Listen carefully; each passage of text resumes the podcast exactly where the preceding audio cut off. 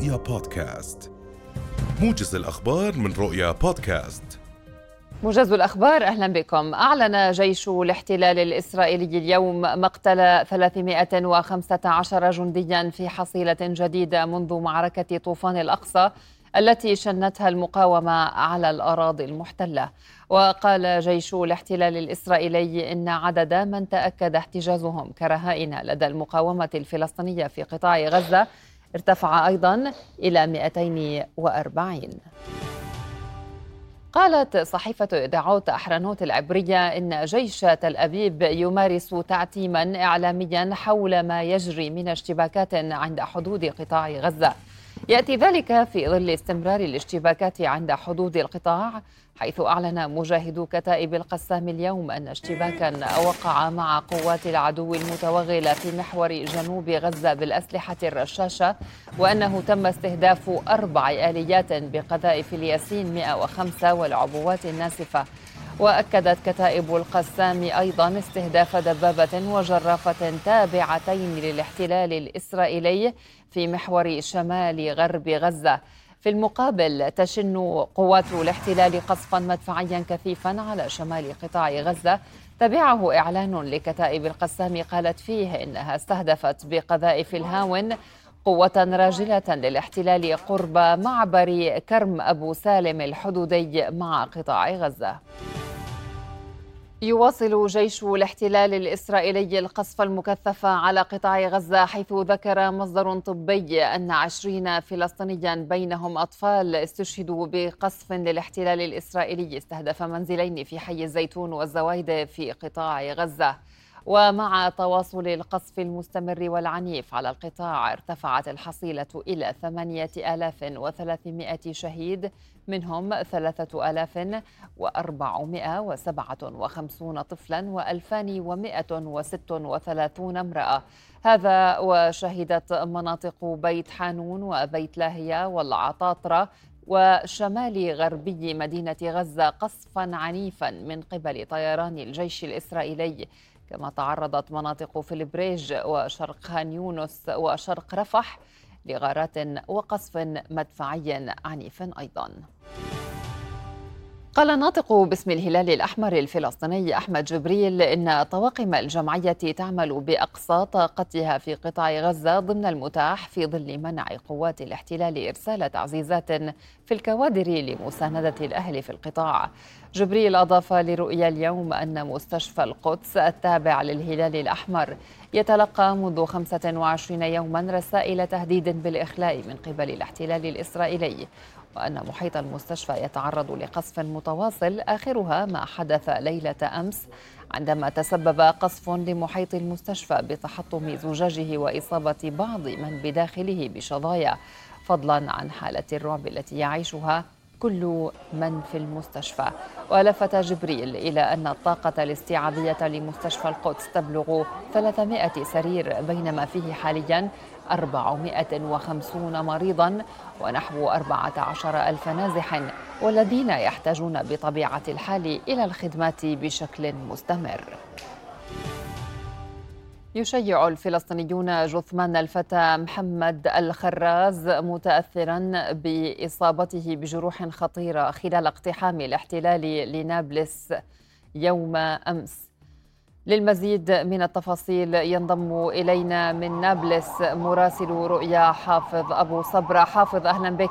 حدثنا ما هي التطورات لديك حتى هذه الساعة من نابلس؟ نعم ليلى وهو يعني عملية تشييع لجثمان الشهيد محمد الخراز الطفل الذي يبلغ من العمر 13 عاما والذي ارتقى متأثرا بجروح خطيرة أصيب بها يوم أمس مساء خلال اقتحام قوات الاحتلال للمنطقة الغربية من مدينة نابلس. الفتى الخراز هو من بين ثلاثة فلسطينيين أصيبوا بجروح خطيرة اثنان ما زالا تحاول الطواقم الطبية إنقاذ حياتهما في ظل الحديث عن سوء في حالتهما الصحية نتيجة لإصابتهما بالرصاص الحي بشكل مباشر في مناطق قاتلة.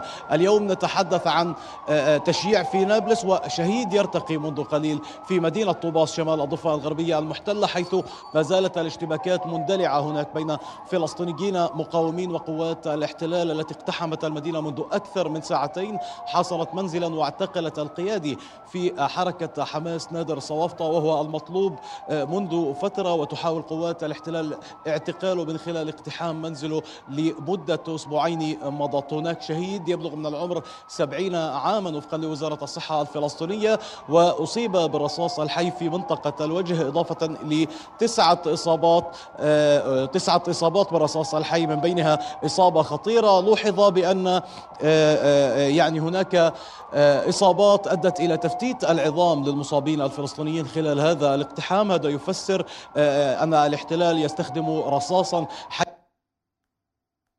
فإذا سنعود لحافظ مرة أخرى عندما نحاول آه، الاتصال به. حافظ حافظ هل تسمعني؟ نعم نعم. نعم حافظ تفضل تفضل. نعم ليلى حقيقة آه، آه، نحن ما زلنا في هذا التشييع تشييع جثمان الشهيد محمد الخراز في مدينة نابلس المحتلة. نعم. العمر لكم خالتي هنا والد الشهيد وعائلته. يعني الشهيد محمد طفل في الثالثة عشرة من عمره ليلى. نعم. هنا في السيارة نشاهد والدته و شقيقاته الأربعة هو آه، الطفل الوحيد بين أربعة من الشقيقات وموكب التشييع يسير صوب مركز مدينة نابلس. أعود للموضوع الذي كنت أتحدث عنه ليلى. الاحتلال يستخدم رصاص متفجر انشطاري وفقا لمختصين في هذا السياق.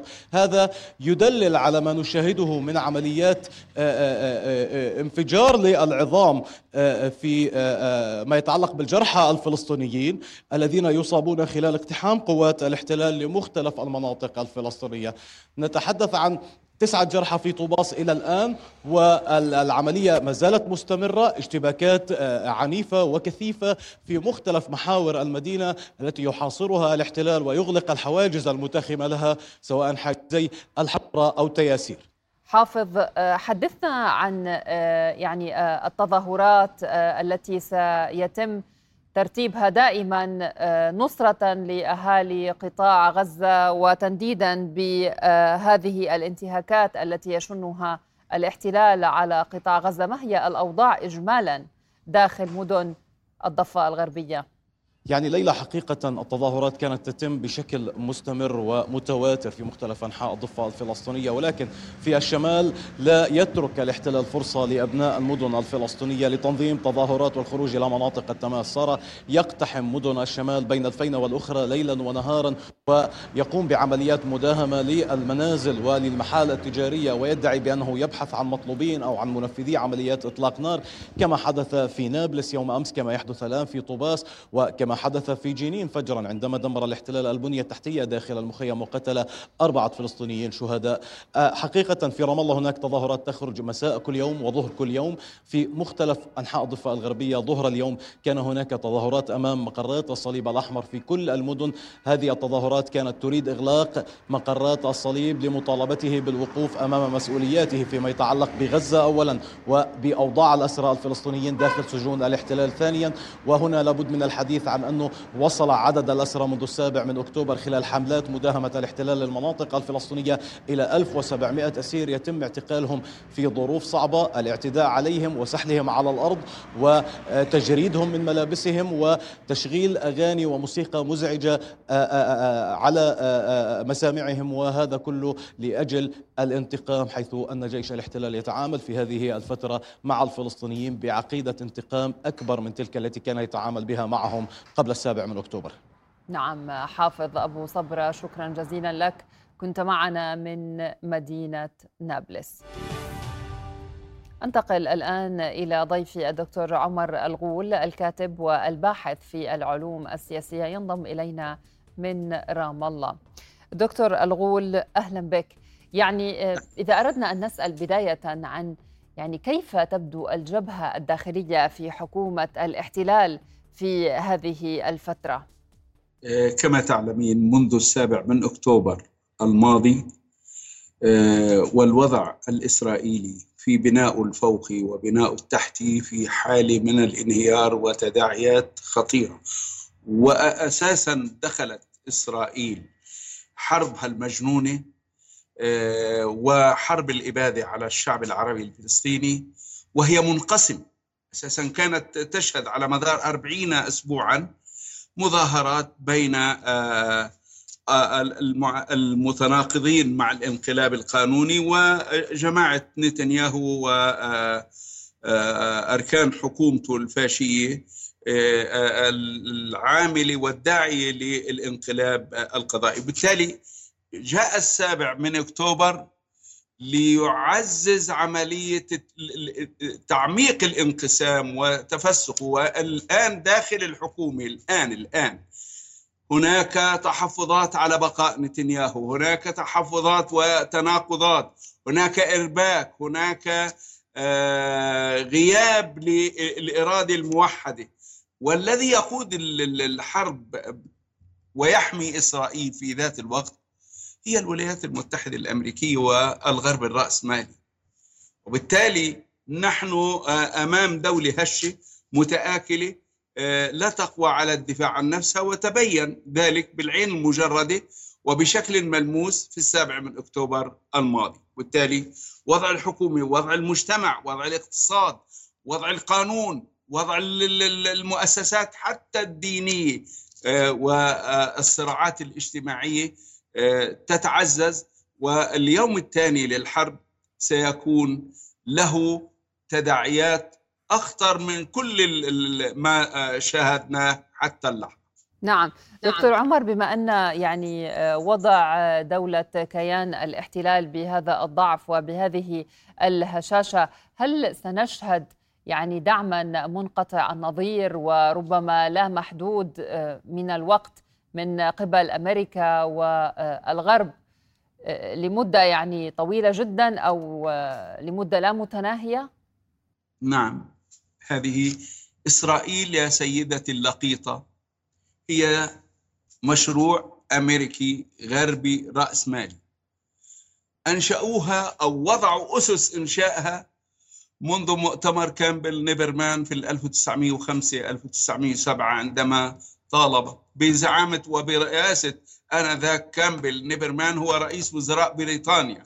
آنذاك لمدة عامين ست دول أوروبية اجتمعت وقررت إيجاد شعب لقيط في هذه المنطقة لتفسيخها وتعميقها. ثم جاءت اتفاقية سايكس بيكو 1916 التي مزقت العالم العربي إلى دويلات.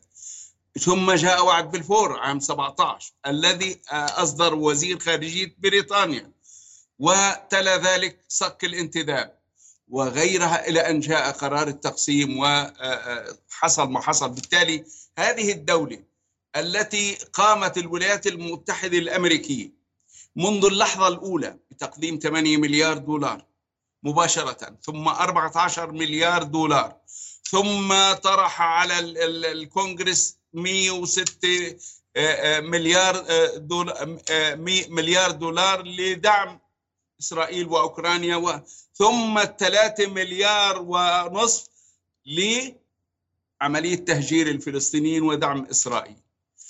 نحن أمام حالة من التغول الأمريكي إضافة لذلك هناك حاملتي الطائرات هناك الجسر الجوي الذي لم ينقطع حتى اللحظة وهناك البوارج وهناك حاملة الطائرات الفرنسية والبوارج البريطانية والبوارج الإيطالية والألمانية. الغرب الرأسمالي يدافع عن مشروعه عن خياره. ما يجري في غزة سيدتي لا علاقة له بغزة وإطار غزة. وما أعلن من أهداف. والأمر يتعدى ذلك لحدود الإقليم ولحدود الصراع العالمي على إعادة طيب هذا هذا الصراع دكتور عمر والتوتر في الشرق الأوسط. يعني ألن يمنع أمريكا من هذا الدعم المستمر؟ لأنه بالتأكيد سوف تتأثر مصالحها ومصالح العديد من الدول أيضا في الشرق الأوسط. ما إن استمر هذا الصراع لفترة طويلة وما إن استمر أيضا هذا الدعم منقطع النظير. عندما تتأثر مصالح الولايات المتحدة الأمريكية وتتضرر حقيقة سيفكر الأمريكيون. نعم. ولكن قبل ذلك طالما نحن على هذه الشاكله وفي واقع بائس ونكتفي بالنضال السياسي والدبلوماسي ونحن مرهونين لقيود وتبعية الولايات للسوق الرأسمالي وللولايات المتحدة الأمريكية وأجهزة أمنها من الصعب أن تعيد النظر الولايات المتحدة في آه، آه، خيارها آه، وعلاقاتها مع دولة الاستعمار اللقيط. نعم. طيب إذا ما نظرنا إلى ملف الأسرى كون هذا الملف يتصدر المشهد في هذه الحرب كيف من الممكن أن يؤثر هذا الملف على الرأي العام داخل كيان الاحتلال خاصة بعد أن شاهدنا يوم أمس مقطعا بثته حركة حماس لأسيرات محتجزات لدى المقاومة؟ يا سيدتي هو أحد أحد الملفات الساخنة الآن المطروحة والتي تقض مضاجع آه، بنيامين نتنياهو وأركان حكومته.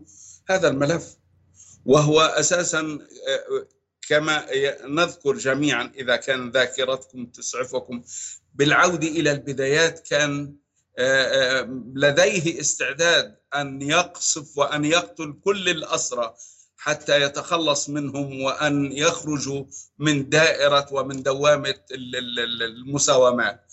ولكن هناك آه، موجود آه، آه، ما يزيد على 250 أسير وأسيرة. هم الآن مجال للمفاوضات بين أذرع المقاومة ودولة الاستعمار الإسرائيلي بواسطة قطريه وبواسطة مصريه وبواسطة قوى أخرى.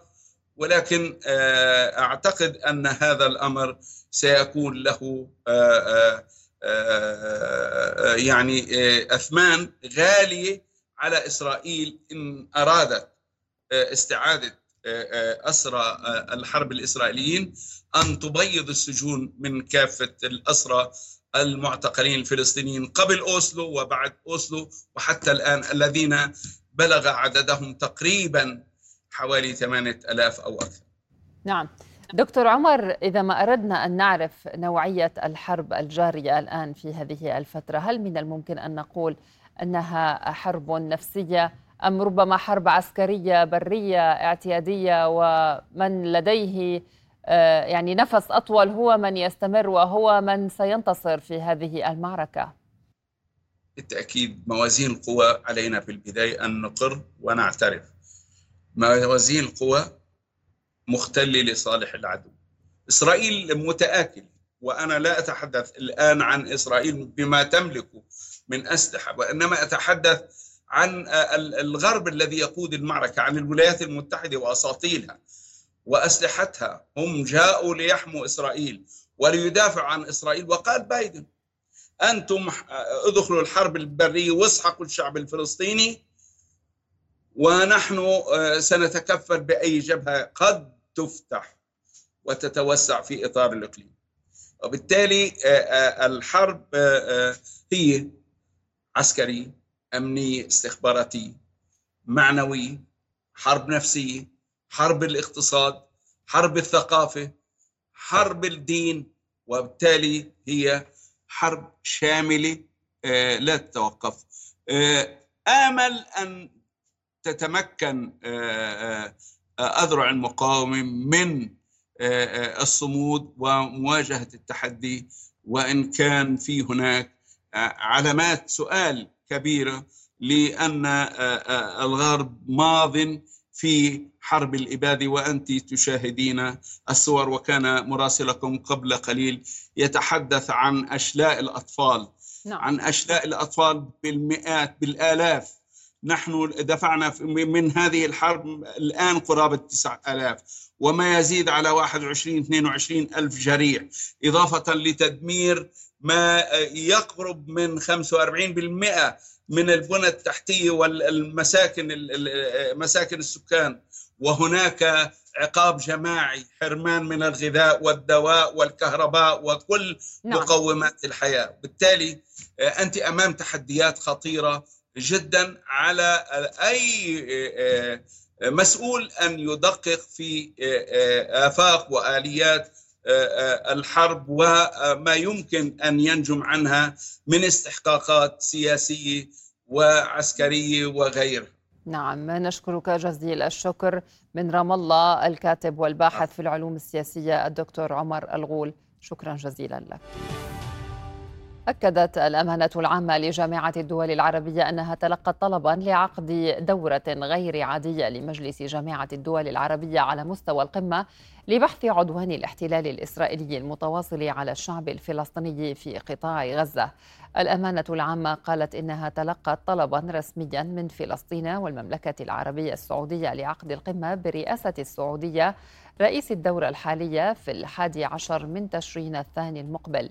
وذكر الأمين العام المساعد لجامعة الدول العربية السفير حسام زكي أن الأمانة العامة قامت بتعميم المذكرات الفلسطينية والسعودية على الدول العربية الأعضاء.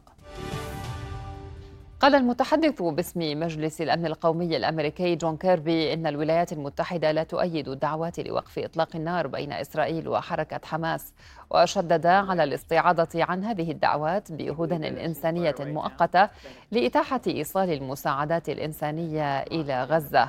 وبرر كيربي الموقف الأمريكي بأن حماس ستكون المستفيدة الوحيدة من وقف إطلاق النار الآن.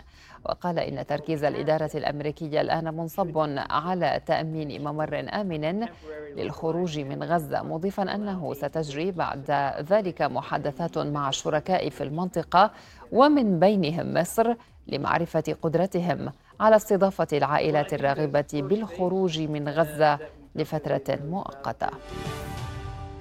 حذر مسؤول أممي من أن الترتيب الراهن لإدخال المساعدات الإنسانية إلى غزة عبر معبر رفح محكوم عليه بالفشل.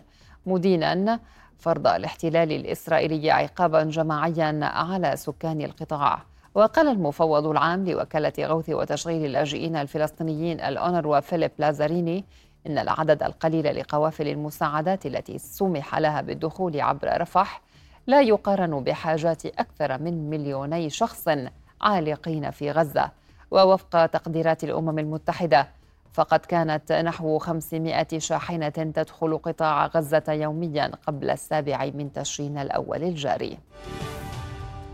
نشرت كتائب القسام مقطع فيديو يوثق مشاهد من اشتباك مجاهدي الكتائب مع قوات الاحتلال المتوغلة غرب إيرز أول أمس الأحد.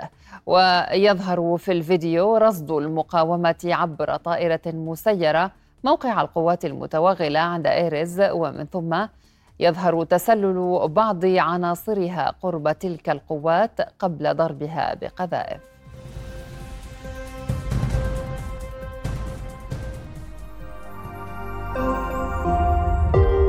رؤيا بودكاست